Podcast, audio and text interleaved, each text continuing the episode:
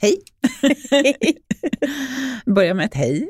Ja, men det är väl bra. Hej till dig som lyssnar också. Ja, verkligen. Och tack för att ni lyssnar. Mm. Ni, blir, ni växer tänkte jag säga, men ni blir fler och fler för varje vecka. Det är jätteroligt. Ja, vi får så många fina kommentarer. Det, ja. det värmer in i hjärteroten. Verkligen. Att ni tycker att vi tar upp bra ämnen och sådana saker. Det är skoj att höra. Det är det verkligen. Och vi har ju, vi har ju varit i tv igen. Det har vi varit för mm. några dagar sedan. Mm. Nyhetsmorgon. Nyhetsmorgon, ja. Så kul. Och då pratade vi om eh, vårtrender mm. inom hudvård. Mm. Och också lite vad, vi, vad man behöver tänka på inför våren. Just det, hudvårdsrutinen, hur man ska ändra den. Mm. Eller ska, men det är ju ganska Bör. klokt att göra mm. det. Men jag läste en, en SIFO-undersökning om just det här som ett större företag hade bett SIFO ta fram. Och det visar sig att två tredjedelar av svenska befolkningen ändrar inte sin hudvårdsrutin inför vår och sommar. Mm. Det tyckte jag var ganska mycket, alltså två tredjedelar. För har man då, eller också använder man kanske inte då en så fet kräm på vintern. Jag använder ganska feta krämer när det är kallt.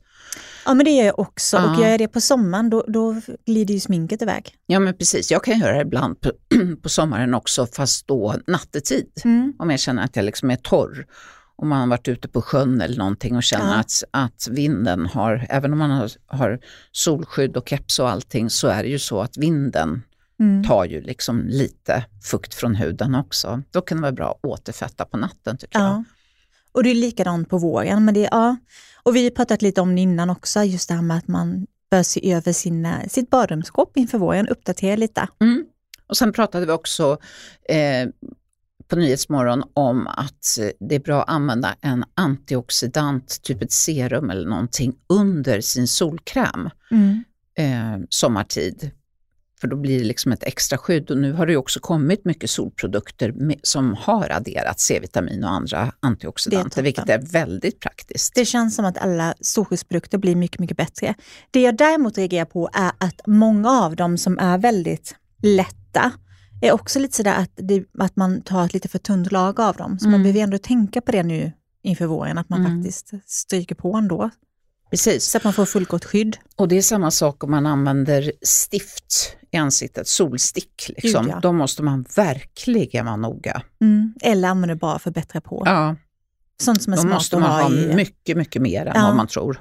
Äh, stift tycker jag är bättre att ha i handväskan och, och ja. bättre på. tycker det är perfekt att ha på näsan och läppar och sådana mm, saker. Det är det. Mm. Men en annan grej jag tänker på, det, är, det har ju varit så mycket snack nu om, eh, eh det har varit en stor svensk studie om antioxidanter i hudvård mm. och att det inte är bra för att det kan skapa cancer.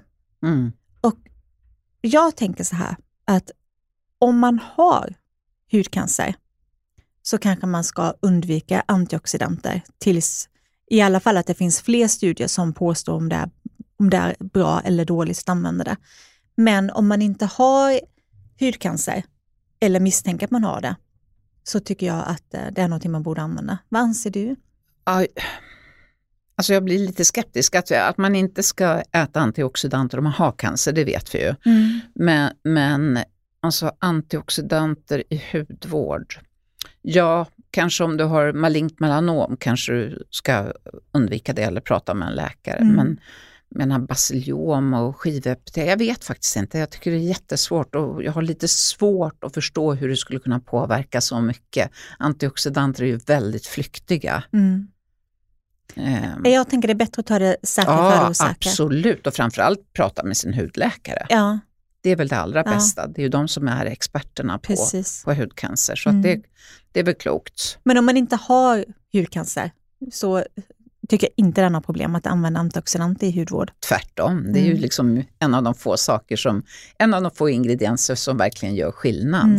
Mm. Dels för att det skyddar mot fria radikaler och sen att det skyddar eller det ger ju också ett glow på huden. Ja, absolut. Speciellt ja. C-vitamin. Ja, speciellt C-vitamin. Och sen älskar vi ju vitamin B, alltså niacinamid. Ja, B3 ja. ja. Det är en riktig favorit. Ja. Och som forskningen också bevisligen, alltså det är ju bevisat att det fungerar på mm. huden. Både på strukturen och på glowet och delvis också lite på kollagenproduktionen. Och lite på porer också. Ja, kan lite förfina på porer. lite. Så att man syns och C-vitaminet har ju också en kollagenstimulerande mm. effekt. Så att, ja, vi gillar ja. dem där. Yes små antioxidanterna. Mm, det är inga dumma grejer. Men hur tycker du det kändes att vara i rutan den här gången? Jätteroligt. Mm. Jag kände mig väldigt lugn och jag tycker att vi skötte oss. ja, men det kändes som att du, det kändes lite hemma ja, på ett annat sätt. Ja, men verkligen. Nu var det ju liksom tredje gången på, vad är det, fyra månader som ja. vi var där. Och det är min femte eller sjätte gång ja. någonting. Ja. Men jag tänker så här, nu, vi kommer ju vara med snart igen. Mm. Eh, men jag hoppas att vi även snart kommer dit och eh, skapar Triss. Det hade varit roligt. men problemet är för mig då att jag måste köpa trisslotter ja, först. Ja, men det är ju ett litet knussel kanske. Ja, mm. det är jag lite dålig på mm. faktiskt. Annars vore det ju trevligt. Nej, men det kändes jättebra och alla är jättetrevliga och dessutom har vi fått så fin respons mm. efteråt, så tack för det. Ja, verkligen. Mm. Eh, men idag ska vi prata om trender. Ja, det ska vi göra. Med eh, Trend-Stefan och det ska bli så otroligt kul för han kan allt om trender. Mm, det är spännande. En av de absolut bästa i Sverige på olika trender. Mm. Norra Europa läste jag någonstans. Och det är ju... Ja, men det stämmer nog väldigt väl. Ja. Det är inget dåligt, dåligt betyg. Han, nej, han kan ja. liksom allt om allt. Typ. Mm. Tänk så mycket vi ska få lära oss, Elin. Spännande, Aha. ser ju otrendiga vi är. Ja, precis. Men innan dess är det precis som vanligt dags för beautysvepet. Den här veckan så vill jag att du eh, tar med dig tre stycken regler för makeup som jag tycker att du eh, borde lära dig. Ett är att alltid tvätta bort sminket. Det är A och O, både för din eh, hudvårdsrutin och för din hud, men också för att din makeup ska se bra ut nästa gång du lägger den. Nummer två är att våga gå utanför din comfort zone. Låt det sjunka in lite. Det betyder att eh, du kan eh, testa att göra lite olika makeup-tekniker, att använda nya produkter, att se över de där produkten du har använt i många, många år. Du kanske alltid har samma färg på läppstiftet till exempel. Eller så gjorde du en färganalys 1994 som den går efter. Våga att se utanför det där och testa lite nytt. Det är bara smink, det går att tvätta bort. Se det som en lek. Den tredje regeln jag tycker att du ska lära dig för makeup och verkligen ta med dig idag är att inte låta någon annan bestämma eller bedöma ditt kreativa uttryck. För det är ju precis det makeup är. Det är ditt kreativa uttryck. Det är ditt sätt att visa din stil, din personlighet, din dagsform och så vidare.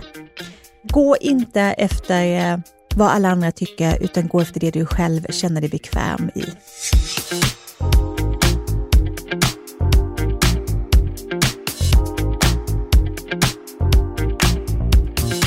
Ett geni på trender som har koll på allt innan alla vi andra. Han gör trendrapporter, föreläser, bloggar och tycker att Harry Styles är världens vackraste människa. Dessutom är han en av ursprungskillarna i svenska Fab Five.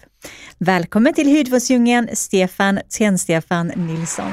Tack snälla Elin, tack. Välkommen. Tack så mycket. Men du, ska vi börja med att fråga, hur skapas en trend? Och ni går på den stora frågan på en mm. gång. Ja. Um, och de här stackars lyssnarna har ju liksom inte fått någon slags upp, instart på det här. Men Nej. vi kan väl börja med att prata om hur det startas en trend. Um, egentligen så startas en trend alltid av kreativa människor i storstäder som lever utanför trendcyklerna. Hänger ni med vad jag menar? Ja, där menar jag att där föds trenderna. Det kan, de är väldigt ofta nära just det här kreativa livet. Det kan vara konstnärer, det kan vara musiker, det kan vara allt möjligt.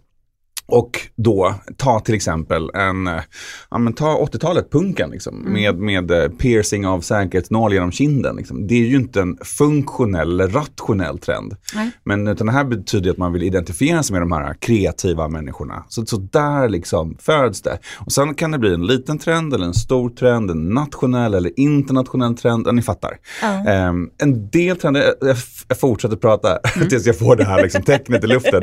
En del trender föds ju såklart såklart också av ny teknik, av innovation. Det här är en ny företeelse och då tycker vi det är spännande. Men ja, de här två faktorerna är väl de mm. drivande krafterna. Men vad är det då som avgör om någonting är en trend?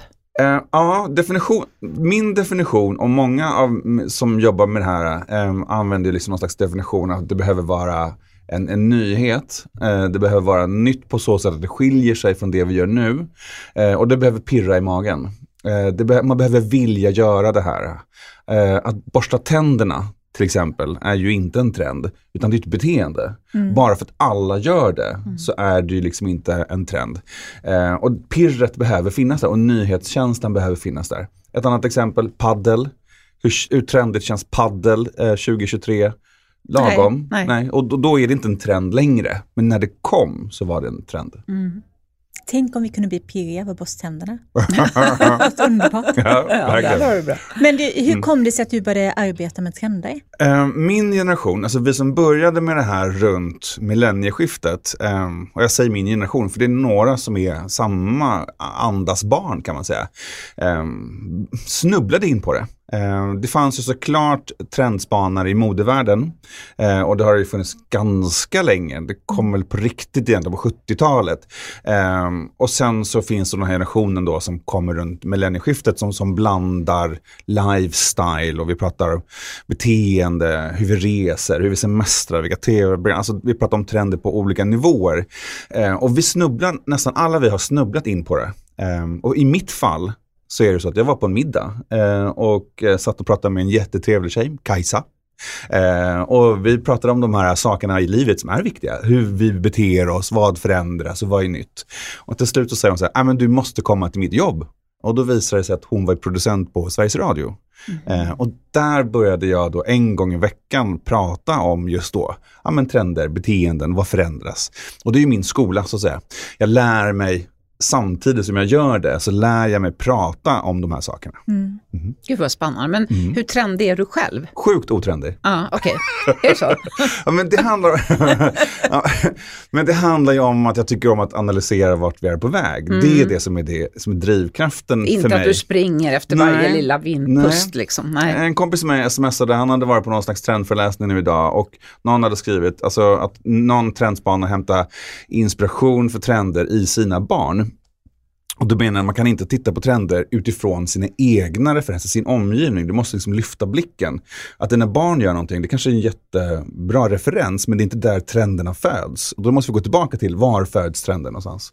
Ja, men det är storstäder, det är kreativa människor och sånt där. Mm. Gud, intressant. Ja men verkligen. Är det någon, eh, vilka storstäder tycker du att man borde spana in för att mm. få inspiration? Är det någon särskilda som liksom ligger i mm. Uh, ja, men det, om man tittar då på liksom trender som hämtar mycket inspiration från modevärlden så är det ju där modeveckorna finns. Mm.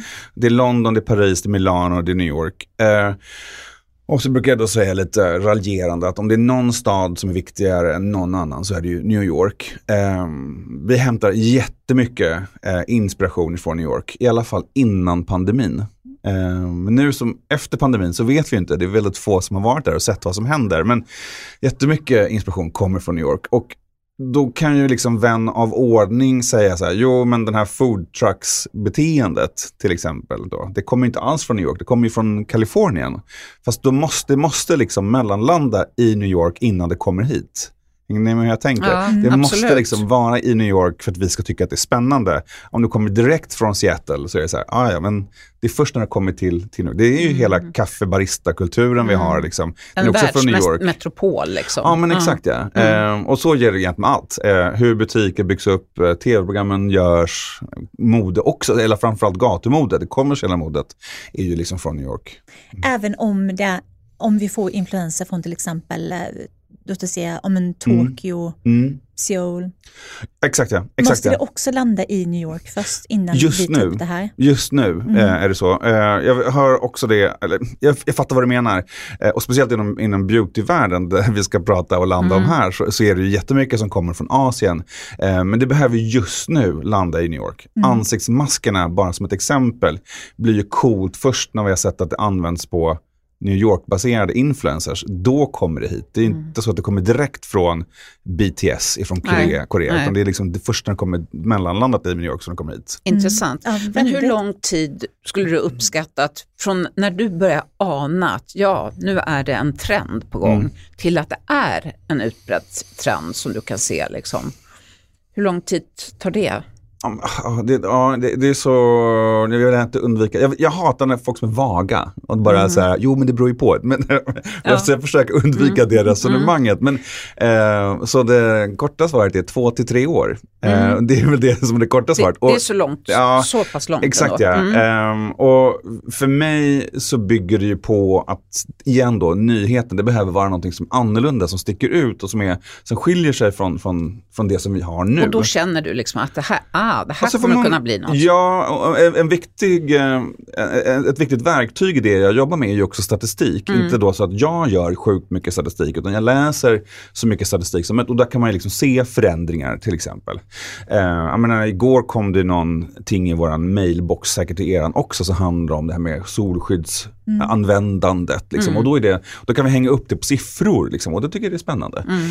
Um, och vissa, vissa trender, nu igen, nu kommer undantagen. Vissa trender är såklart längre och behöver längre liksom, förändringsbeteende och vissa saker är snabbare. Till exempel kök. Det tar mm. jättelång tid. Till exempel bilar tar jättelång tid. Men alltså jag tänker att i modevärlden och i beautyvärlden så går det mycket, mycket fortare.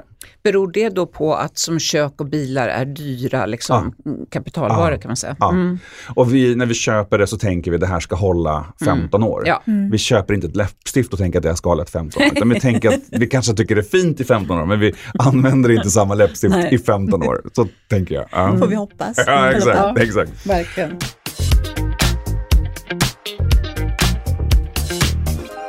Influencers är nog av de som ja, men, driver på trenderna mm. mest egentligen. Men har, har, hur ser trenden ut bland influencers? Alltså är dagens influencers samma som för tio år sedan? Och vilka kommer de vara i framtiden? Oh, så många frågor på en och samma mm. gång Elin. Tack. Mm. Ja. Då får du fundera lite. och då kör vi en låt på det. Nej det har vi inte, vi spelar in inte. uh, nej men influencers har ju förändrats. Framförallt så är de ju liksom, de bryter ju regler på ett annat sätt. Uh, igen då en sån här åldersreferens. Uh, Ingrid Skrevelius satt i SVT och pratade om så här moderapporteringen från, från Paris. Liksom. Och så hade man respekt för varandra på ett, på ett annat sätt och det var någons tur uh, att få bli den stora modeskaparen. Eh, medan idag så är det ju helt andra regler så att man vrider och vänder på begreppen. Mm. Eh, och det är ju spännande. Men, men, det gör ju också att sådana trender kan bli små. De behöver inte bli gigantiska. De kan ju liksom vara lokala. Jag får ju frågor ibland fortfarande. Ja, men det här armbandet, det spelar ingen roll men ni får, förstår exemplet. Varför är det så stort? Ja, då måste man ju tänka, ja, men är det en lokal företeelse eller en nationell eller en internationell företeelse? Men ja, eh, influencers makt är enormt viktig. Och det ser vi också statistiskt sett. Det vill säga att vi slutar läsa tidningar. Mm. Så var hämtar vi information ifrån? Jo, vi gör det från sociala medier. Um, så det är, det är en viktig kanal. Um, ja, vad, vad kommer och, det ta vägen? Ja, men, mm. och vilka kommer de vara i framtiden tror du?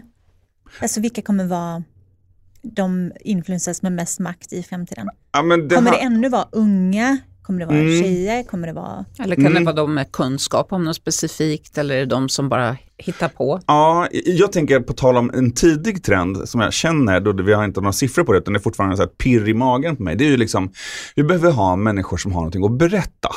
Eh, och det tycker jag är en viktig insikt. Och det behöver inte handla om kunskap, man, men man måste kunna vara engagerad. Mm. Eh, och man måste kunna liksom, vilja berätta någonting. Och där skiljer sig liksom influencers beteendet som finns 2023. Där man håller upp en produkt framför en kamera och säger, jag gillar det här. Mm. Det är ganska ointressant i framtiden, vill jag mena. Det är snarare så att men jag tycker det är jätteviktigt med shampoo eller tandkräm. Eller vad det nu man tycker är viktigt. Därför att det här är min tandkrämsresa. Det tycker mm. jag, ja, men, så är det. Det är viktigt. Det får vara lite mer tanke bakom så att säga. Absolut, ja. det handlar om var, varför finns man där. Inte bara för att du måste lägga ut en post varje dag, utan vad är det du vill berätta? Mm, mm. Precis. Ja. Och det är storytelling som vi haft tidigare, men, mm, men det är grundläggande. Ja, men att man liksom driver den länge. Mm. Ja, för jag kommer ihåg när jag började blogga för den här som år sedan, då var det ju många som kunde lägga ut en, en ja, men till och med bloggpost på en bild på sin kaffelatte. Ja. Mm. Och så var det liksom inte mer. Nej. exakt, exakt. Det är en stor skillnad från dess, just med storytelling och att ja. Eh, det händer lite mer. Ja, men vi har ju en jätterörelse, nu kommer vi kanske inte komma in på det ämnet, men jag tar upp det ändå. Mm. och det är ju antikonsumtionen. Ja. Eh, och det är ju en jätterörelse och då blir det liksom och då måste influencers hänga med i det. Mm. Alltså när vi vet att det finns en massmarknad som är trött på konsumtion, mm. vad, vad, ska man berätta då? Ja.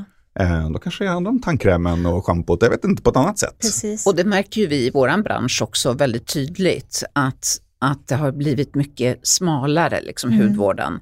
Att det är inte 17 produkter Exakt. längre utan att man har, håller det lite minimalistiskt. Mm. Det finns i mina anteckningar här som jag med mig när jag kom in i rummet. Ja, ja, ja, Färre produkter och det är en mm. del i detta. Liksom. Och multifunktionella och ja, det känns som att det stämmer mm. väl in men, i det Men jag faktiskt. tror ju då, för att då spinna vidare, nu tar jag ordet från dig mm. Elin, förlåt. Men det är ju liksom så här, det är en, en trend som vi har sett länge, de senaste ja, 15-20 åren, det är personifieringen och det kommer absolut se. Jag tror att jag kommer mm. att hitta mitt schampo, min tandkräm.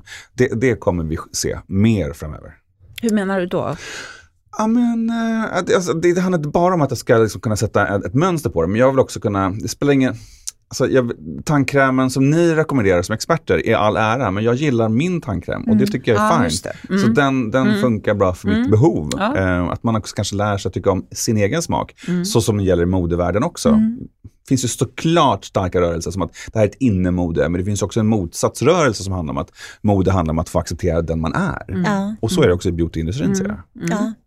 Gud vad spännande. Ja, verkligen. Superspännande. Men eh, ser du några trender bland modeller och vilka som får vara ansiktet utåt för olika varumärken? Mm, eh, det korta svaret är ju mångfald. Mm.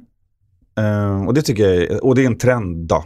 Eh, för det är nytt, det pirrar i magen. Ja, men ni, ni känner igen mm. det här resonemanget.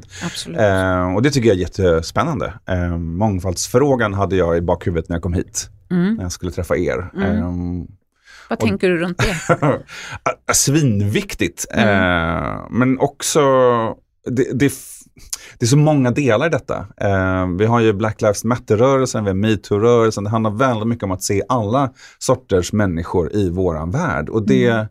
Och igen då, jag tog med Harry Styles som ett exempel egentligen ja. bara för att prata om att men även killar får ju gilla klänningar. Alltså mm. idag så är det ju en en bredd. Och jag tycker det är så fascinerande med Harry Styles som är då ytterst heterosexuell, som är ju då jättehetero, eh, som tycker om att ha klänningar för att det är fint. Mm. Det handlar inte om en sexuell identitet och, och så är det ju. Jag menar idag, Ja men mångfald, ja, det är mångfald, mm. du håller på att dra iväg här igen. Och att man liksom vågar svara på sin egen frihetskänsla. Liksom. Absolut, ja absolut, ja. men det handlar också tycker att vi behöver se eh, människor med andra sorters hudfärg mm. eh, och deras behov, eh, för det är också kompetensen. Eh, ja ursprungsbefolkning och allt det här. Liksom. Mm. Mm, precis. Mm. Och vi har pratat en del om, du och jag Elin, produkter som är lätta att liksom öppna även om man har ah, ett, ett, ett, funktionshem. Ah, ja, mm. precis. Mm. Ja, att det är inkluderande på det, alla det olika sätt. Det måste ju verkligen komma mer och mer, ja. allt sånt. Men, men det är ju för att vi pratar ju faktiskt om yta. Alltså, ja. Och då ska alla, eller det som är vackert. Mm. Eh, och då blir det att inkludera så många som möjligt tycker mm. jag. Men jag tänker på det här också att men ideal och normer går ju också lite trender i, mm. eller ganska mycket. Verkligen. Och det här smalhetsnormer från 90-talet verkar segla tillbaka. Jag vet, jag såg det också. Varför tror du att vi strävar mer efter en trend än det vi vet är sunt och hälsosamt?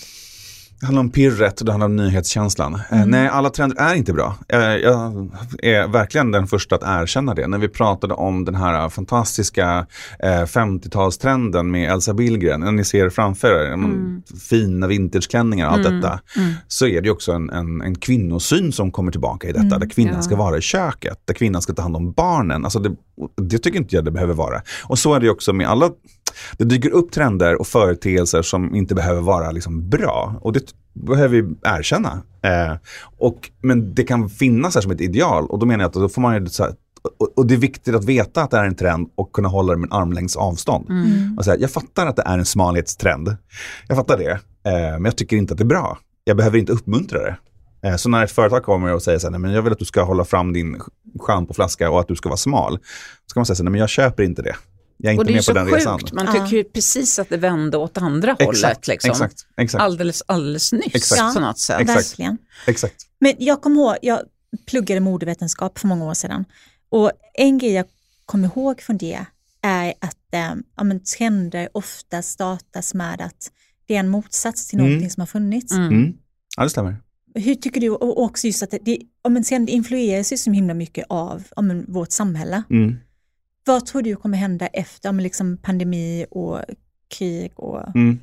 all skit? Mm. hur, hur kommer vi påverkas av det rent trendmässigt? Um, ja, um, det finns så mycket att säga. Uh, så det är därför som jag måste bara så här, samla mig och tänka på hur säger jag någonting så att inte folk så här, storknar. Uh, man får pausa mig och så får man gå och fylla på kaffet om man behöver. Nej men enkelt sett så är det ju så att ja, men vi kommer gå igenom ett klassiskt slitet uttryck som är paradigmskifte. Alltså vi kommer ha en stark, stark förändring. Mm. Mm. Det är det som kommer ske nu. Um, och vi man pratar i min trendvärld nu om den perfekta stormen. Det uttrycket finns, det vill säga att vi har klimatkris, vi har krig, vi har finanskris, vi har energikris. Alltså det ska, vi har precis kommit igenom en sjuk kris. Alltså, mm. så, så, det finns ju, och hot fortfarande om att det kommer tillbaka. Så det finns ju jättemånga saker som händer. Um, och det gör ju att vi kommer liksom, navelskåda oss själva. Liksom, så här, vilket liv vill vi leva? Det kan bli positivt. Eh, och, och också då med detta med antikonsumtionen. Jag ser en stark, stark trend som handlar om att hoppa av. Alltså hoppa av statusjakten, hoppa av stressen av att alltid liksom vara perfekt. Att hoppa av detta och göra någonting annat. Mm. Vi pratar ju om att vi förflyttar oss ifrån fear of missing out till joy of missing out. Och, och där är, dit är idealet. Trend är liksom, precis som smalheten så är det ett ideal. Och det här idealet, att hoppa av statusjakten, är jättestort. Gud vad härligt. Ja. ja. Det som händer, ska jag säga, nu, när vi pratar om dessa nattsvarta jobbiga grejer, så är det så att alltid så händer nya kreativa saker. Det, om vi tittar på den senaste stora krisen vi hade, så är det 2008. Mm. Den stora finansiella krisen i framförallt USA med banker som gick omkull och allt det här. Vi drabbades inte så hårt i Sverige, men vi kommer ihåg att trenderna kommer från New York. Då blir det liksom en referens att kunna ha i åtanke i alla fall. Vad som händer 2008 är ju att då uppstår ju liksom hela hipsterrörelsen. Eh, vilket bygger på att man är hemma. Eh, det vill säga att vi fermenterar, vi gör surdeg, eh, vi, vi börjar äta lyxchips. Lyxchipsen för att vi har inte råd att gå ut på krogen. Så mm. äter vi parmesanchips och tryffelchips och food trucks-resonemanget som vi pratade om tidigare kommer, kommer in då. Och varför det? Jo, därför att vi har inte råd att gå på restaurang men vi vill äta någon annans lagade mat. Ja, ni fattar. Mm. Så, och det kommer hända nu, 2003 2004. Det kommer dyka upp helt nya företeelser som vi inte har en aning om vad det är. Och jag kan verkligen understryka det. Jag har ingen aning om vilka de här grejerna är. Vad är 2023 års foodtruck? Ingen aning. Eh, och det är ingen som vet. Vi kan bara liksom, det enda man kan göra nu är att kan man, man kan vara vaksam och, och, fundera och hänga på när det börjar ske någonting där ute. Och då kommer det bli roligt, eh, kreativt, spännande, nytt, trendigt. Detta kommer hända alltid. Och pirr i magen. Och pirr i magen. Det är ändå härligt. Ja, ja.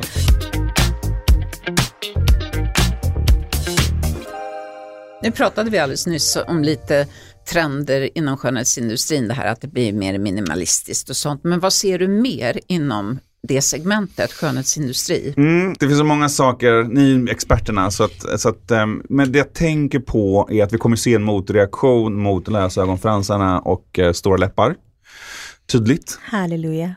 Mm. det var inte jag som sa halleluja. Äntligen. och varför det? Jo, därför att det har gått nu hela varvet. Så nu har vi liksom pirret är helt borta. Det är precis som paddel. Det är precis som allt andra vi pratade om tidigare. Så la, fake lösögonfransar som är 10 cm och läppar som är liksom onaturligt stora. Nej, det, vi är inte intresserade av det. Utan det är ju, om man tittar då på Oscarsgalan till exempel, som mm. var ju nu häromdagen, så är det väldigt nedtonat. Liksom. Det är en ganska naturlig eh, makeup. Det är en ganska naturlig bild man vill förmedla. Man har absolut ögonskugga, man har absolut färg på kinderna, man har absolut läppstift. Men det är liksom inte skrikigt. Det finns några som gör motreaktionen och där har vi färgen rött som jag tror kommer komma jättemycket. Eh, Lady Gaga till exempel hade knallröda läppar. Ja, men så. så det kommer finnas där ute. En del säger att den röda läppstiftet är ju liksom en lågkonjunkturstrend, eh, mm. ja, referens. Det är så verkligen hade, historiskt där. Exakt, ja, verkligen. verkligen. Um, ja, vad mer? Jag har massa anteckningar. Ja, jag vill köra. Go for it. Nej men, um, det är någonting jag tycker också som vi ser det såklart som nu har blivit rätt mycket massmarknad. Eh, det är naglar. Mm. Alltså, det, det, det ett område som fascinerar oss. Dels då Melodifestivalen Loreens överdrivna långa naglar. Mm. Men jag tänker att 90 procent, överdriver lite grann då för att skapa liksom en bild, men 90 procent av alla 25-åriga killar har målade naglar, eh, svarta naglar, det kan vara naglar med smileyfigurer på, men om man går till en nagelsalong att få det gjort. Elin ser skeptisk ut, men det handlar om att det är min bild och jag överdriver lite grann. Ja, jag ja. känner mig mer fascinerad, jag tycker mm. det är mm. jättekul om eh, killar hoppar på det också. Mm. Och det handlar igen då, precis som i Harry Styles så är det inte en, en, en, en identitetsreferens om att jag gillar någon annat sorts kön, utan det handlar bara om att jag vill vara en cool kille. Mm. Det är klart ja. jag ska ha målade naglar, liksom, svart nagellack. Det är väl jättehärligt. Ja, ja, mm. Matt, Mm. säger man också i min, mm. uh, min research. Ja, matt mm. ja, det är också något vi har pratat om tidigare, man ska prata om glow, har man pratat om mm. tidigare, nu är det bara mm. matt som gäller. Mm. Tror du att matt är för att det är en motreaktion? Ja, tydligt, jättetydligt. Att det ska bli lite ja. sammetskänsla ja. liksom istället nu. Ja. Och jag tänker mycket av det som sker nu, det, det sker ju inom hela designområdet så har vi haft då tre års liksom, pandemi där vi har suttit hemma. Mm. Så det, har liksom inte, det är ganska få innovationer. Om att innovationer är ju en drivkraft också och det är ganska få saker som har hänt där ute. Så att, och vi har inte träffats, så vi har liksom inte kunnat ha och det märks i, i hela modeindustrin och beautyindustrin där vi står och stampar på samma ställe. Liksom. Så det är inte mm. så starka nya företeelser, tycker jag. Ja, men, ja, men också då när man, när man, i min research, när man pratar om håret till exempel, mm. så går vi från mittbena till sidbena. Mm. Yay! Alltså, förlåt, det, är en ganska liten, det är en ganska liten grej. Liksom. Ja. Ja. Det är inte så överväldigande. Nej, eh, men ändå var det ju väldigt länge sedan det ändrades. Ja, ja, mm. ja. Så det är ju ändå lite intressant. Ja.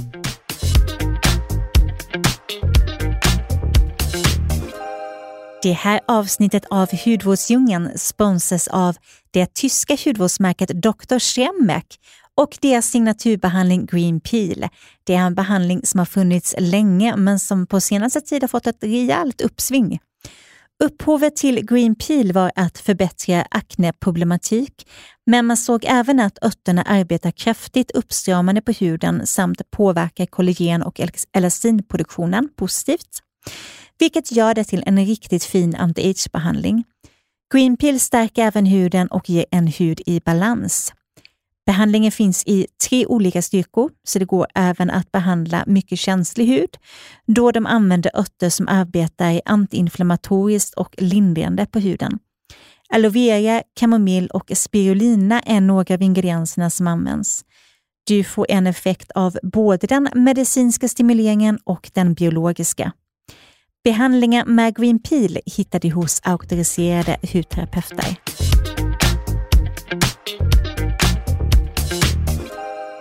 Jag, jag, jag, kan prata mer, men jag ja, nöjer mig här så länge. Du okay. vet att jag ska prata ja, mer? Ja. Ah, men Någon jag till. tror ju... ja, men, Också då, eh, en, en företeelse som jag ser det är det här lokala intresserar oss jättemycket. Och jag vet inte om ni har läst om det, men H&M och Ikea har ju gjort nu ett gemensamt projekt där man har startat ett nytt gemensamt varumärke. Förlåt, men detta är superspännande. Mm. Hade du hört talas om det? Nej, nej, nej, aldrig. Gud vad kul. Det är jättespännande. Det är helt fascinerande. Två av världens största retailföretag har startat ett gemensamt företag som då man har lanserat i London. Och jag var där. Nej, vad heter det? Eh, så får man göra reklam? Ja, på. vi nämner varumärken. Det, det är inte SVT. Nej, verkligen. Eh, Atelier 100. Så Oj, det går att googla. Mm. Ja. Eh, problemet är att det är skitfult. Eh, Men är det kläder är eller är det... Allt. Det är, he det hela vårt lifestyle-område. Okay. Men där ser man då det som berör det här området, ser man ju liksom den hemmagjorda tvålen. Ja. ja. Temat som då Atelier 100 ska lösa är ju det eh, hyperlokala, eller jag säger på engelska för det låter snyggare, hyperlocal.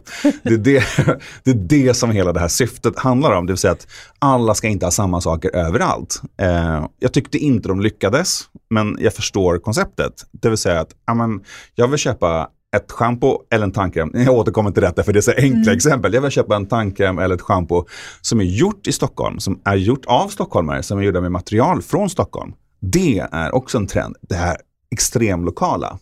Eh, det ser jag. Mm.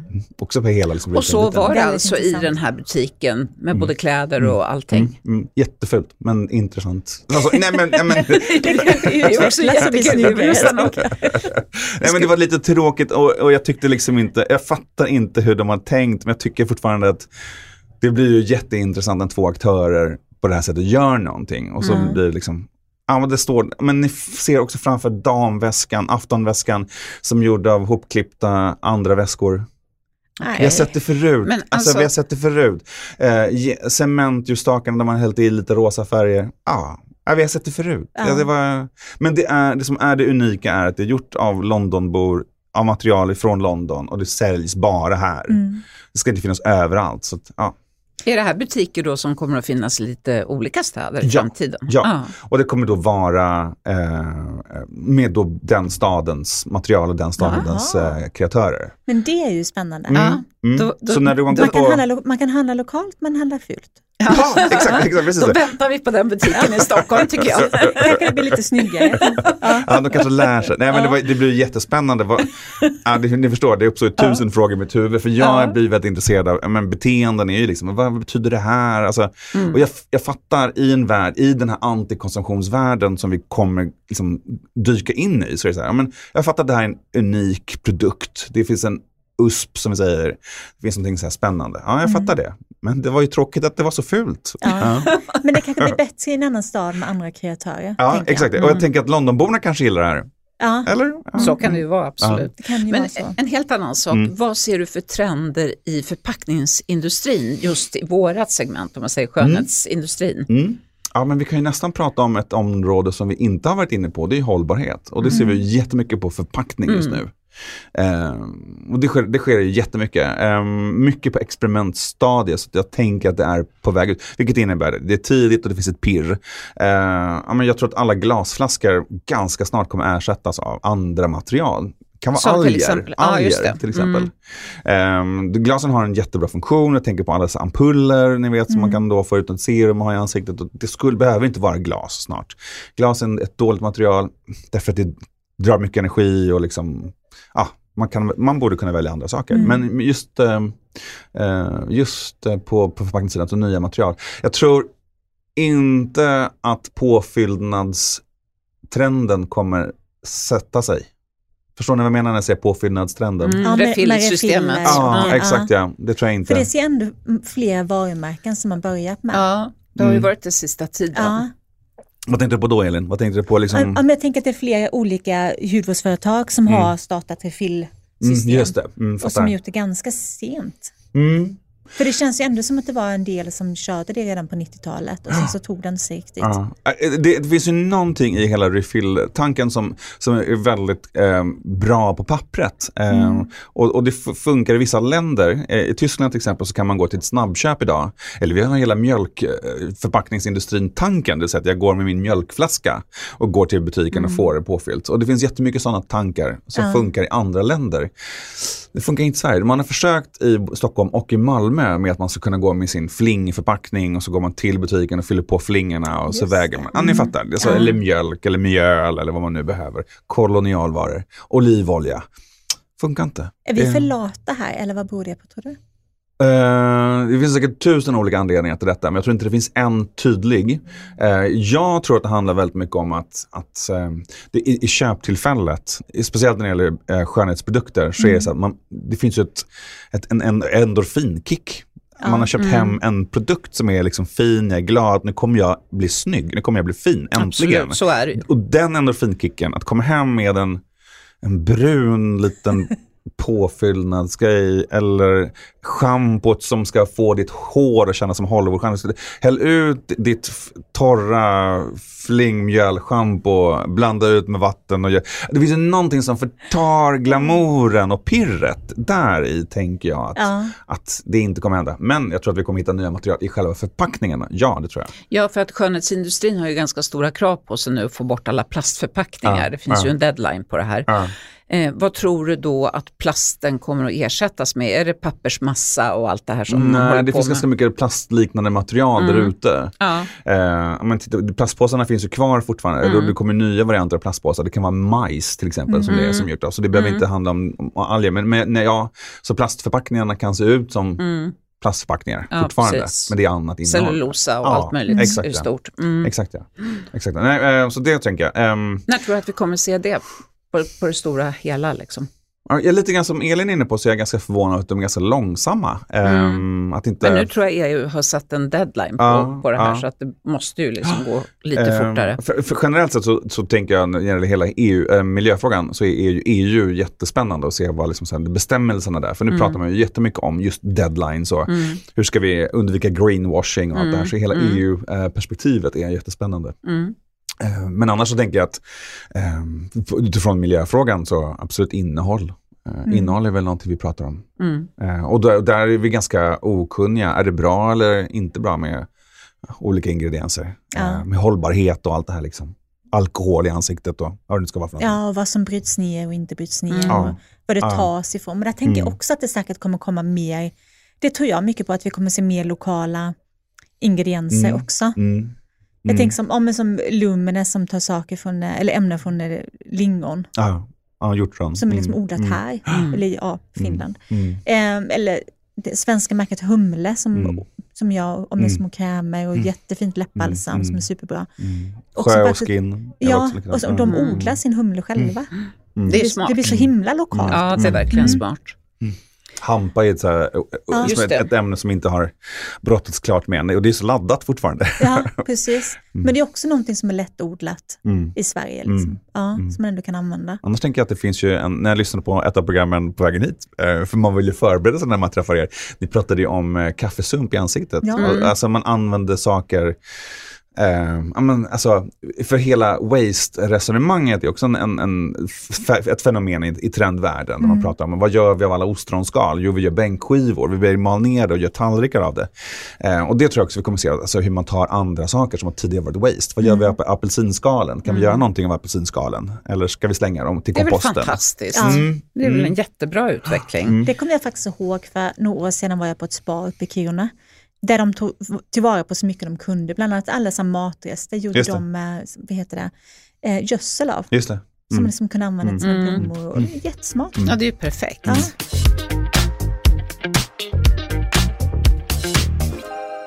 Men vi pratade innan lite grann om killar som målar naglar och sånt. Mm. Bara om man går tillbaka till det lite grann. Vad tycker du, eller vad tror du om just makeup på killar? Mm. Kommer det att öka? Vad roligt. Mm. Den gick jag tänkte på också när jag ja. var på väg hit. Um, ja, jag tycker jag att man det. ser det mm. lite grann faktiskt, Svarade, både ute på gatan ja, och... Det, det enkla svaret är ja, um, men jag tror ju att killar vill köpa tjejmärken.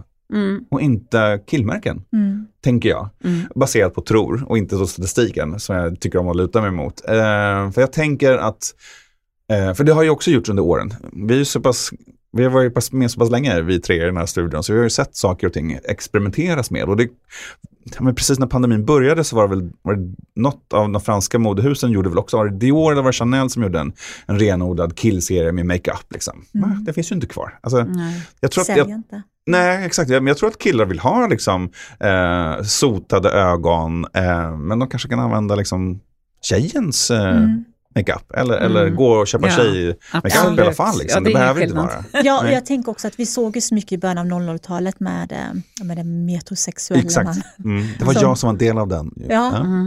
mm. ja, men du, det måste du berätta lite om. Fab Five. Mm. Var inte det typ den vevan? Eller? Ja, det var det. Va? Ja, men det var exakt då detta hände. Ja. Ja, exakt då det hände. Um, och hur, hur, var det? Vad hade du för roll i detta? Uh, ja, det är roligt att jag ska inte be någon gissa, för det är så himla konstigt. Det är så konstigt. Uh, men, uh, man kan söka på YouTube. Nej, det kan man faktiskt inte göra. För det, det, är liksom så pass länge sedan, så det, det finns inga dess. spår. Nej, det finns inga spår av detta. Det finns typ två bilder. men ja, skitsamma. Har du en VHS-kopia hemma? Ja, nej, ah, nej, det har jag nog inte. nej, det var, det var, så, det var jättespeciellt. Men då, runt millennieskiftet, när Fab Five, både den amerikanska och den svenska versionen kom, så handlar det om att ja, men, den homosexuella mannen har bättre smak och ska lära den heterosexuella mannen hur han ska bete sig egentligen. Och det blir ju, jag tror att det är ganska fascinerande att den amerikanska nu har kommit tillbaka för hela liksom förhållningssättet. Att någon bara för att man har en sexuell läggning har bättre smak än någon annan. Mm. Det är jättekonstigt. Ja. Det, är jätte, det skulle vi inte köpa idag. Skitsamma, men detta hände då. Eh, och då pratar man ju om metrosexualiteten. Liksom. Mm. Att kunna liksom så här, leka med gränserna. Man får gilla frisyrgelé i håret utan att kunna vara homosexuell. Mm. Vilket var den nivån. Eh, men på tal om statistik då, så är det ju spännande med det, det här mejlet du fick om att eh, solskyddsstatistiken som kommer vara med, ja. att män fortfarande inte använder ansiktskräm. Det är ganska fascinerande tycker ja. jag. 2023. Män använder inte ansiktskräm. Nej. Varför det? Hörni män, nu får ni skärpa er. Fast ja. ganska många män gör det, men jag tror, att det är en, tror inte att det är en liten generationsfråga också? Att, att män över kanske, inte vet jag, 45-50 kanske inte lika ofta frekvent använder hudvård mm. som lite yngre killar gör. Mm. Att de kanske ja. har fått med sig det lite mer från mamma eller systrar. Eller, ja. Jag vet inte, jag bara får en mm. känsla av det, att... Ja, jag vet också att, att den mest vanliga kontaktpunkten för vad män köper sin eh, beauty är mm. ju på ICA. Mm. Okay. Så, ah. så en man skulle ju aldrig, det har ju också för, experimenterats med det i våra storstäder, en man skulle aldrig gå och handla en skönhetsprodukt över disk. Han handlar ju på ICA, liksom. där är ju hans kontaktpunkt med liksom, mm. skönhetskrämer. Eller på nätet kanske. Ja, exakt. Ja, exakt, ja, exakt. Mm. Um, men um, det finns ju jättemycket att göra.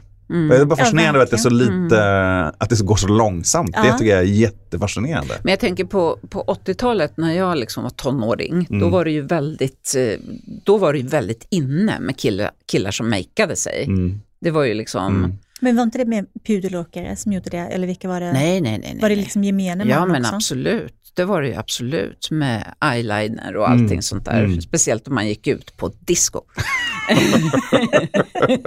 Vi var hemma och sov Elin. ja, precis. Ja, det, det, gjorde inte jag kan jag säga. Men, men, och det, var ju, det tyckte man ju var lite coolt. Mm. Det var ju lite androgynt. Mm. Det var ju lite liksom mm. intressant. Tror du att mm. det kommer tillbaka eller tror du att att det mer är att killar kommer att make sig liksom mer syn, synligt. Liksom. Nej, nej, jag tror inte killar kommer att göra det synligt. Nej. Men man inte gör det så här halv på skoj, liksom, mm. som ett disco. Mm. Men däremot så tycker jag fortfarande det är jättefascinerande att se att, att män leker med kvinnliga attiraljer, mm. som till mm. exempel nagellacken ja. och som pärlhalsbandet. Eh, och liksom alla dessa, det finns ju jättemycket halsband på killar. Det finns liksom inte, finns inget halsband som är fel, utan du kan verkligen gå in i mammas garderob och, och liksom låna vilket mm. halsband som helst och det är helt ja. okej. Okay. Mm. Eh, och det tycker jag är jättefascinerande och roligt. Men, och men härligt, det har inte, ja, ja, härligt. Eh, men det har inte vandrat in i att, att jag tycker att han lånar hennes läppstift. Nej. Nej. Utan han gör det bara liksom med, med etablerade liksom, detaljer. Mm. Mm, okay. ja. ja. men det här med sotade ögon kan ju vara så jäkla snyggt ja, på killar. Ja. Mm, det tycker jag också. Jag såg bilden häromdagen på ja, men de som vann Eurovision. Förra året var det va? Det här italienska bandet. Ja, just det, Måneskin. Ja. ja. Mm. Och han sångaren har ju jättefin ögonmakeup. Ja, verkligen, mm. verkligen. Men jag såg också, eh, på tal om att det var ett Oscarshelg, jag såg ja. ju filmen Elvis. Och hur var den? Har ni inte sett den? Nej. Nej ingen. Han sminkar sig ju. Ja, ja, ja. och det var ju också eyeliner och Han sminkade sig hela vägen. Ja, hela vägen in i döden liksom, sminkade mm. han sig. Mm.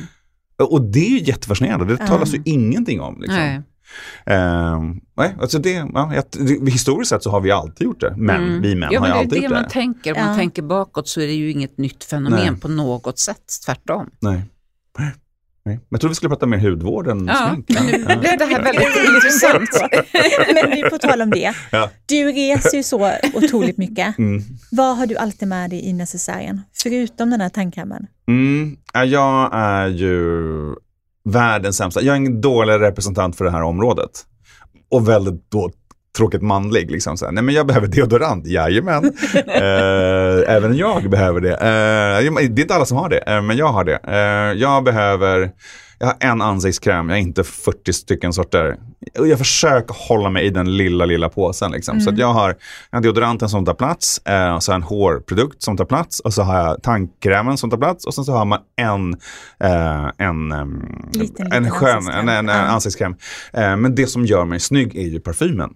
Och det är en sån liten provflaska mm. liksom, eh, som man har. Som man har fått någonstans ifrån. Man kan ha fått den från en, butik eller så. Det mm. behöver inte ha skickats hem till mig, utan det är en liten sån provflaska. Mm. För det är ju det man behöver. Det är för att, det är för att vad vi ska prata om i det här programmet är ju så här, var, varför behöver man hudvård?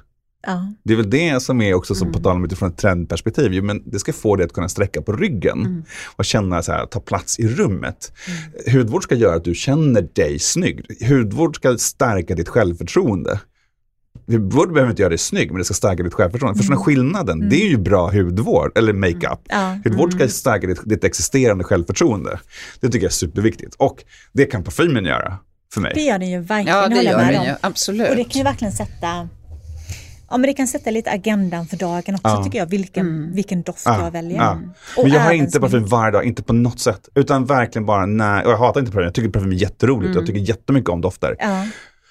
Ja. Men det blir liksom, ja men nu har man varit och jobbat en hel dag, man har sprungit och, i mitt fall då, man går in och ur butiker, kollar, experimenterar, tittar och antecknar mm. och så är man helt slut och så ska man gå ut och käka och kanske lite så här, ah, själv sätta sig på en engelsk pub i London och ah, man så lite spray så bara sträcker man på ryggen och så bara, ah, men, ah. Då är det pigg igen. Ja, men, så här, men ja. det är klart, jag ska gå ut och ta en drink innan jag käkar middagen själv. Liksom, ah. Men jag tänker på det här när du säger att det ska få en att liksom känna sig, hudvård ska göra att man, man känner sig lite fin. Aha. Jag kan ju tycka att hudvård kanske, som hudterapeut, att det är nödvändigt för mm. att huden behöver fukt och fett, vet vi ju. Eh, och, men sen är det ju också så att det finns så många attiraljer till hudvården. Det finns ju så många olika produkter och sen som Elin och jag har pratat om mycket nu med alla de här hybriderna kommer mm. mittemellan hudvård och, och smink, och smink mm, mm. makeup. Mm. Att det blir, blir liksom, mm. att det går åt det hållet. Mm. Men eh, för några år sedan i alla fall så vet jag att det var många influencers, eller ja, mikroinfluencers kanske mer, som, som kanske kände, hade varit utbrända eller kände att de inte mådde så bra mm. och fick tips då från eh, ja, sin samtalsterapeut eller vad det kunde vara, att de skulle hålla på med hudvård och liksom ge sig själv den här mm. tiden. Mm. Vad, hur tror du att, vad, vad tror du har för funktion rent psykiskt, liksom, att, att smörja in sig och Ja, men jag, tycker att det, jag tycker det är jobbigt när vi jämför oss för mycket med varandra. Mm. Förstår jag menar? Ja, det, det, tycker jag är jobbigt. Jag ja. tycker att vi måste, vi måste landa i känslan av att jag duger som jag är. Mm. Mm. Eh, men hur kan jag göra Trend-Stefan lite bättre. Ja. Det är det som är mm. hela hudvårds och, och liksom. Skönhetsresonemanget för mig. Mm. Um, och, och, speciellt som man, uh, ni kvinnor har ju an, helt andra ögon på er än vad vi, vi män har. Uh, alltså generellt sett, helt mm. och hållet. Uh, nej, men som man, jag menar fortfarande, George Clooney är jätteful på pappret. Liksom. Men han är en av världens sexigaste människor. Liksom. Han har grått hår fast han borde färga. Han har en ganska glåmig hy. Han har rynkor överallt. Alltså, ändå är det liksom en, då en person som vi alla bedömer som att, att han är en av världens sexigaste människor. Och det handlar om ett självförtroende. Mm. Och att kunna väcka ett självförtroende. Och det är mm. det som jag menar att, att skönhet och beauty och allt det här handlar om. Att, att, att kunna titta sig själv i spegeln och tänka, God damn, det blir en bra kväll. Ja, ja, ja. precis. Det, det är syftet. Eh, och det är det som är farligt med hela influencerbiten. Mm. Eh, och då, vi pratade också innan vi började programmet, vad kommer ersätta eh, Instagram? Är det TikTok? Ja, det är det. Eh, och det kommer gå snabbare och snabbare och snabbare. Mm. Så att det enda vi kan egentligen fostra våra barn med, alltså för det handlar om att sätta liksom lära dem att se på sig själva som att du duger. Mm. Vi får inte prata om, om beauty och säga att du duger inte. Utan det handlar Nej, om att jag ska bara inte. förstärka dina rynkor så att dina rynkor är fina. Jag ska inte ta bort dem. Alltså, mm. det är ju liksom den viktigaste kommunikationen. Mm. Mm. Det är väl helt okej okay att liksom ha rynkor och liksom såna här små kråkfötter runt munnen mm. och vad man nu kan ha för någonting som är dåligt. Mm. Det är helt okej okay att ha en finne, men, men om du känner dig dålig att ha en finne, då, då kan vi jobba på det. Men precis, när du kommer in på det här med, med rynkor och sådana saker så, så tycker vi ju att vi ser i branschen att det kommer in fler och fler äldre ja. modeller. Ja. Eh, vilket är jättebra. Mm. Men hur ser du annars på det här, liksom, om man tänker på mm. ageism och allting mm. sånt rent allmänt. Hur ser du på det? Vad roligt att du frågar, jag har ett svar. Mm, vad bra, jag hade nästan hoppats på det. uh, nej men det, det, är en långsam förändring. Uh, det som sker är ju att de de personerna som representerar, representerar då den här silvergenerationen eller vad vi kallar dem för, mm. det finns ju olika begrepp på dem, eh, är ju att de får jobba sjukt hårt. Det fortfarande in, de är ju då, inte en enda av dem som vi ser framför oss är överviktig till exempel titta på ja, men, Jamie Lee Curtis till exempel, som mm. ju då behåller sitt gråa hår nu på Oscarsgalan. Mm. Alltså det finns inte ett enda uns fett på hennes kropp. Liksom. Tittar man på en annan person som Iris Apfel som fyllde 101 och ett halvt år, inte ett enda uns fett. Så att, de får jobba hårdare. Mm. Eh, men, men, jag tänker att det långsamt men säkert är en riktning åt rätt håll. Alltså du kan vara gammal men du måste vara deffad. Just nu. Ja. Och jag hoppas mm. att vi snart kommer kunna mm. säga att du kommer kunna vara gammal och ha ja, två kilo för mycket. Är, liksom. ja, men liksom så. Mm. Men just nu är det inte vi. så. Mm. mm. Tittar man på också män med silverhår så är det också samma sak. Det är George Clooney. Alltså du, du är rippad liksom. Mm. Ja, mm. just det. Du kan vara gråhårig men ha en ung kropp. Men det är en riktning Elin. Det är en riktning. Jag tycker att vi inte ska säga att det, att det är dåligt. Jag tycker att det är bra att det släpper in mm. alla generationer. För det handlar om mångfalden. Och det är ju mm. samma sak, tittar vi idag på människor som representerar annan hudfärg. Som ja, men de får jobba hårdare, de, eller, eller även andras kroppsstorlekar. De måste mm. vara snyggare, de måste ha mer bling i ögonen ja. än en smal modell. De måste jobba hårdare. Mm. Men, men riktningen är att vi accepterar fler och fler människor. Mm. Om ni förstår vad jag menar. Mm. Vi har breddat eh, normen lite. Ja men, lite, ja, men exakt ja. Och så kommer det komma backlash som vi pratade om tidigare. Mm. Om att nu kommer ja, men heroin chic från 90-talet tillbaka. Ja det gör det. Men vi hoppas att det, att det bara är ett ögonblick. Mm. Att, ja, det hoppas jag, ja. för det är absolut bland det fulaste jag kan tänka mig. Mm. inte vara inte var smal, jag menar inte så, men just det här att, att du ska se helt sliten ja. ut och ja, mycket märkligt. Mm. Det är motpolen liksom, mot den här sundhetstrenden som har varit. Mm. Är det så? Mm.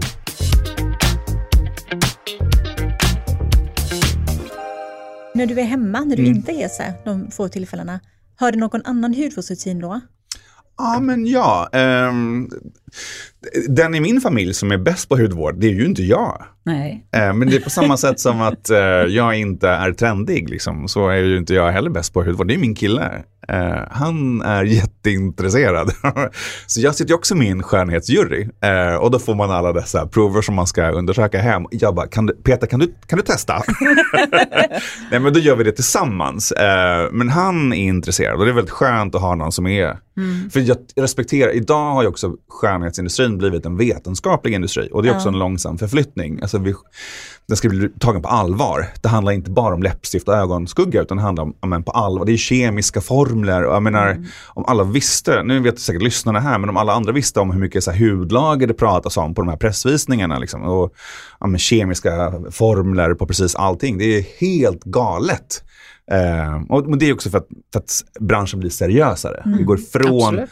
läppstift och ögonskugga till liksom seriös vetenskap. Och att man blir terapeut till exempel, hudvårdsterapeut. Ja, mm. Var var jag någonstans? Jo, hemma. Eh, så han han har bra produkter och då snor jag någonting av honom. Annars så försöker jag testar ju nästan, jag testar allting som jag får hem. Ja. Um, men han säger om det är bra eller dåligt egentligen. Um, Gud vad smidigt. Ja, just nu är jag jätteförtjust i en uh, nattkräm. Um, som jag har. Jag, får jag säga märket? Ja, absolut. Paula's Choice. Mm. Uh, jag kommer inte ja. ihåg um, vad den hette, men den är någon night cream av något slag. Som är då lite fyllig och som passar din hudtyp. Ja, med. exakt. Mm. Precis. Mm. precis. Vad är det för färg? Jag tänker om tittarna eller lyssnarna är nyfikna. Ja, men den är uh, mintgrön-ish. Uh, och, den, och, den, heter night cream, någonting med serum och jättebra. Uh, lägger sig fort när man vaknar och känner sig, ja, man känner sig lite snyggare än man gjorde dagen innan. Men använder du alltid rengöringsmjölk först innan du liksom applicerar? det gör jag inte alls. Nej. Jag är jättedålig. Man du tvättar du ansiktet eller? På kvällen? Ja, då och då. Då och då. När det rinner ner lite schampo. Ja, exakt, det gnuggar jag in i ögonen. Ja, verkligen. uh, men, vi killar har ju som sagt inte samma, vi, vi använder, det finns inte den sättet att kommunicera. Vi pratade om Johan Magnusson tidigare. Jag menar, jag, vi har ju rest tillsammans han och jag. Mm. Jag vet ju om hans nattrutiner. Han mm. är så här, åh nu är klockan åtta, dags att gå hem och börja tvätta ansiktet. Liksom. Själv är man så här, en öl till kanske? Eh, Johan är en skötsam pojke. han är skötsam, han är som man ska göra. Eh, men, eh, men, men det som det har landat i, att mycket av de här eh, rutinerna som jag gör, gör jag i ett lustfyllt tillfälle när jag har tid, jag älskar mm. att bada till exempel. Då är det jätteskönt att lägga en ansiktsmask till exempel. Mm. Och då kan man passa på att skrubba kroppen. Nej, jag skrubbar inte varje dag, men man gör det för att man tycker det är skönt, jag behöver det nu. Och det tycker jag funkar jättebra för mig. Använd inte alls serum varje dag. Uh, man använder de här ampullgrejerna som man får då och då. Ska sju dagars kuren fortfarande kvar från i julas. Alltså du vet, mm. så här, men det är väl ingenting. Man använder det liksom det som man känner det bäst. För mig, eh, jag är definitivt inte Sveriges snyggaste trendspanare, men jag, är ganska, jag har ganska gott självförtroende ändå. Och det är det som beauty ska handla om, att, ja. att man har ett gott självförtroende. Vi har ju faktiskt en rolig, rolig mm. historia, eller jag ja. har en rolig historia om det här med ampuller som vi skriver om i...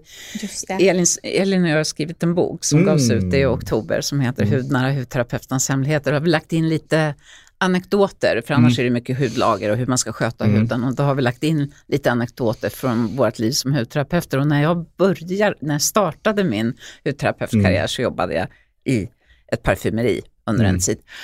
Och då var det en kvinna som kom in och uh, sa att hon var jättemissnöjd mm. med det hon hade handlat och hade med sig förpackningen. Och mm. det var då en kartong då med de här glasampullerna. Mm. mm. Ampullerna mm. var upp, använda så att de var inte mm. kvar men hon ville mm. verkligen reklamera. Och då frågade jag hur hon hade använt mm. dem och då berättade hon att hon hade druckit en varje kväll. Nej, åh oh, jobbigt. Oh, och inte märkt någon skillnad alls. Hon märkte ingen skillnad på huden. Ja, verkligen, verkligen. Alltså vi försökte ja, hålla ja. i oss och förklara ja. för henne med som stod där inne, men sen lovade att vi låg på golvet och gapskrattade. Men jag har ju också nästan en anekdot. En gammal, jag har inte druckit då ampullerna, men jag fattar vad du menar. Men jag har jobbat på något av lyxhotellen, det här när man pluggade på universitetet, så mm. jobbade på något av lyxhotellen mm. i stan och då hade man typ en så här rumänsk prinsessa som bodde där och hon badade i mjölk varje dag.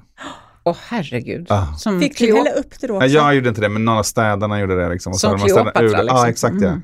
Alltså man kan tänka, hur luktade det i badrummet? Surt, surt. Ah. Uh. Ah. Och tänk och det, lukta mjölk varje dag också. Ja.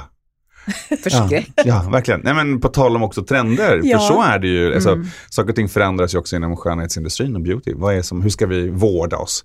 Men det enda vi kan vara säkra på är att vi vill vårda oss. Mm. Um, och jag tänker att det är, oavsett om man hoppar av den här statusjakten som vi pratade om tidigare, så kommer man vilja vårda sig. Och det är frågan om så här, på vilket sätt. Mm. Handlar det om att man har också då en, en tidsreferens? Ska man ha olivolja i ansiktet? Eller ska man göra sin egen tvål? Mm. Eller ska man köpa en dyr fransk eller tysk tvål, eller vad ska man använda? Men ja. vi kommer vilja vårda oss, det kommer vi alltid vilja göra. Och med de orden så får vi tacka jättemycket för att du kom idag Stefan. Det här var så himla intressant. Ja, lärorikt och ja. roligt. Intressant samtal. Mm, roligt.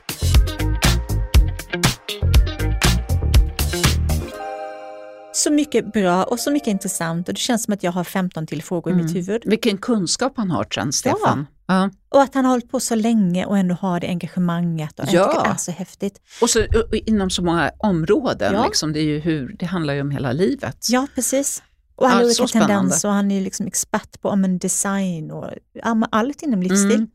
Men jag kommer att tänka på en annan grej som eh, står i, i, en gammal modebok jag har hemma. Jag tycker det är så roligt med mode.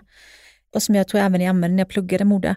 Men att på 70-talet, att gayrörelsen i, som var så stark i San Francisco då, att det var många gaymän som klädde sig i extremt manliga kläder för att eh, ja, men förstärka sin manlighet och visa sin manlighet på något sätt. Som bland annat ja, men cowboys eller att de hade eh, ja, men poliser, brandmän och sen så drog man ju detta ännu längre såklart. Men jag tycker att det är så häftigt när trender också kan användas som ett eh, politiskt statement.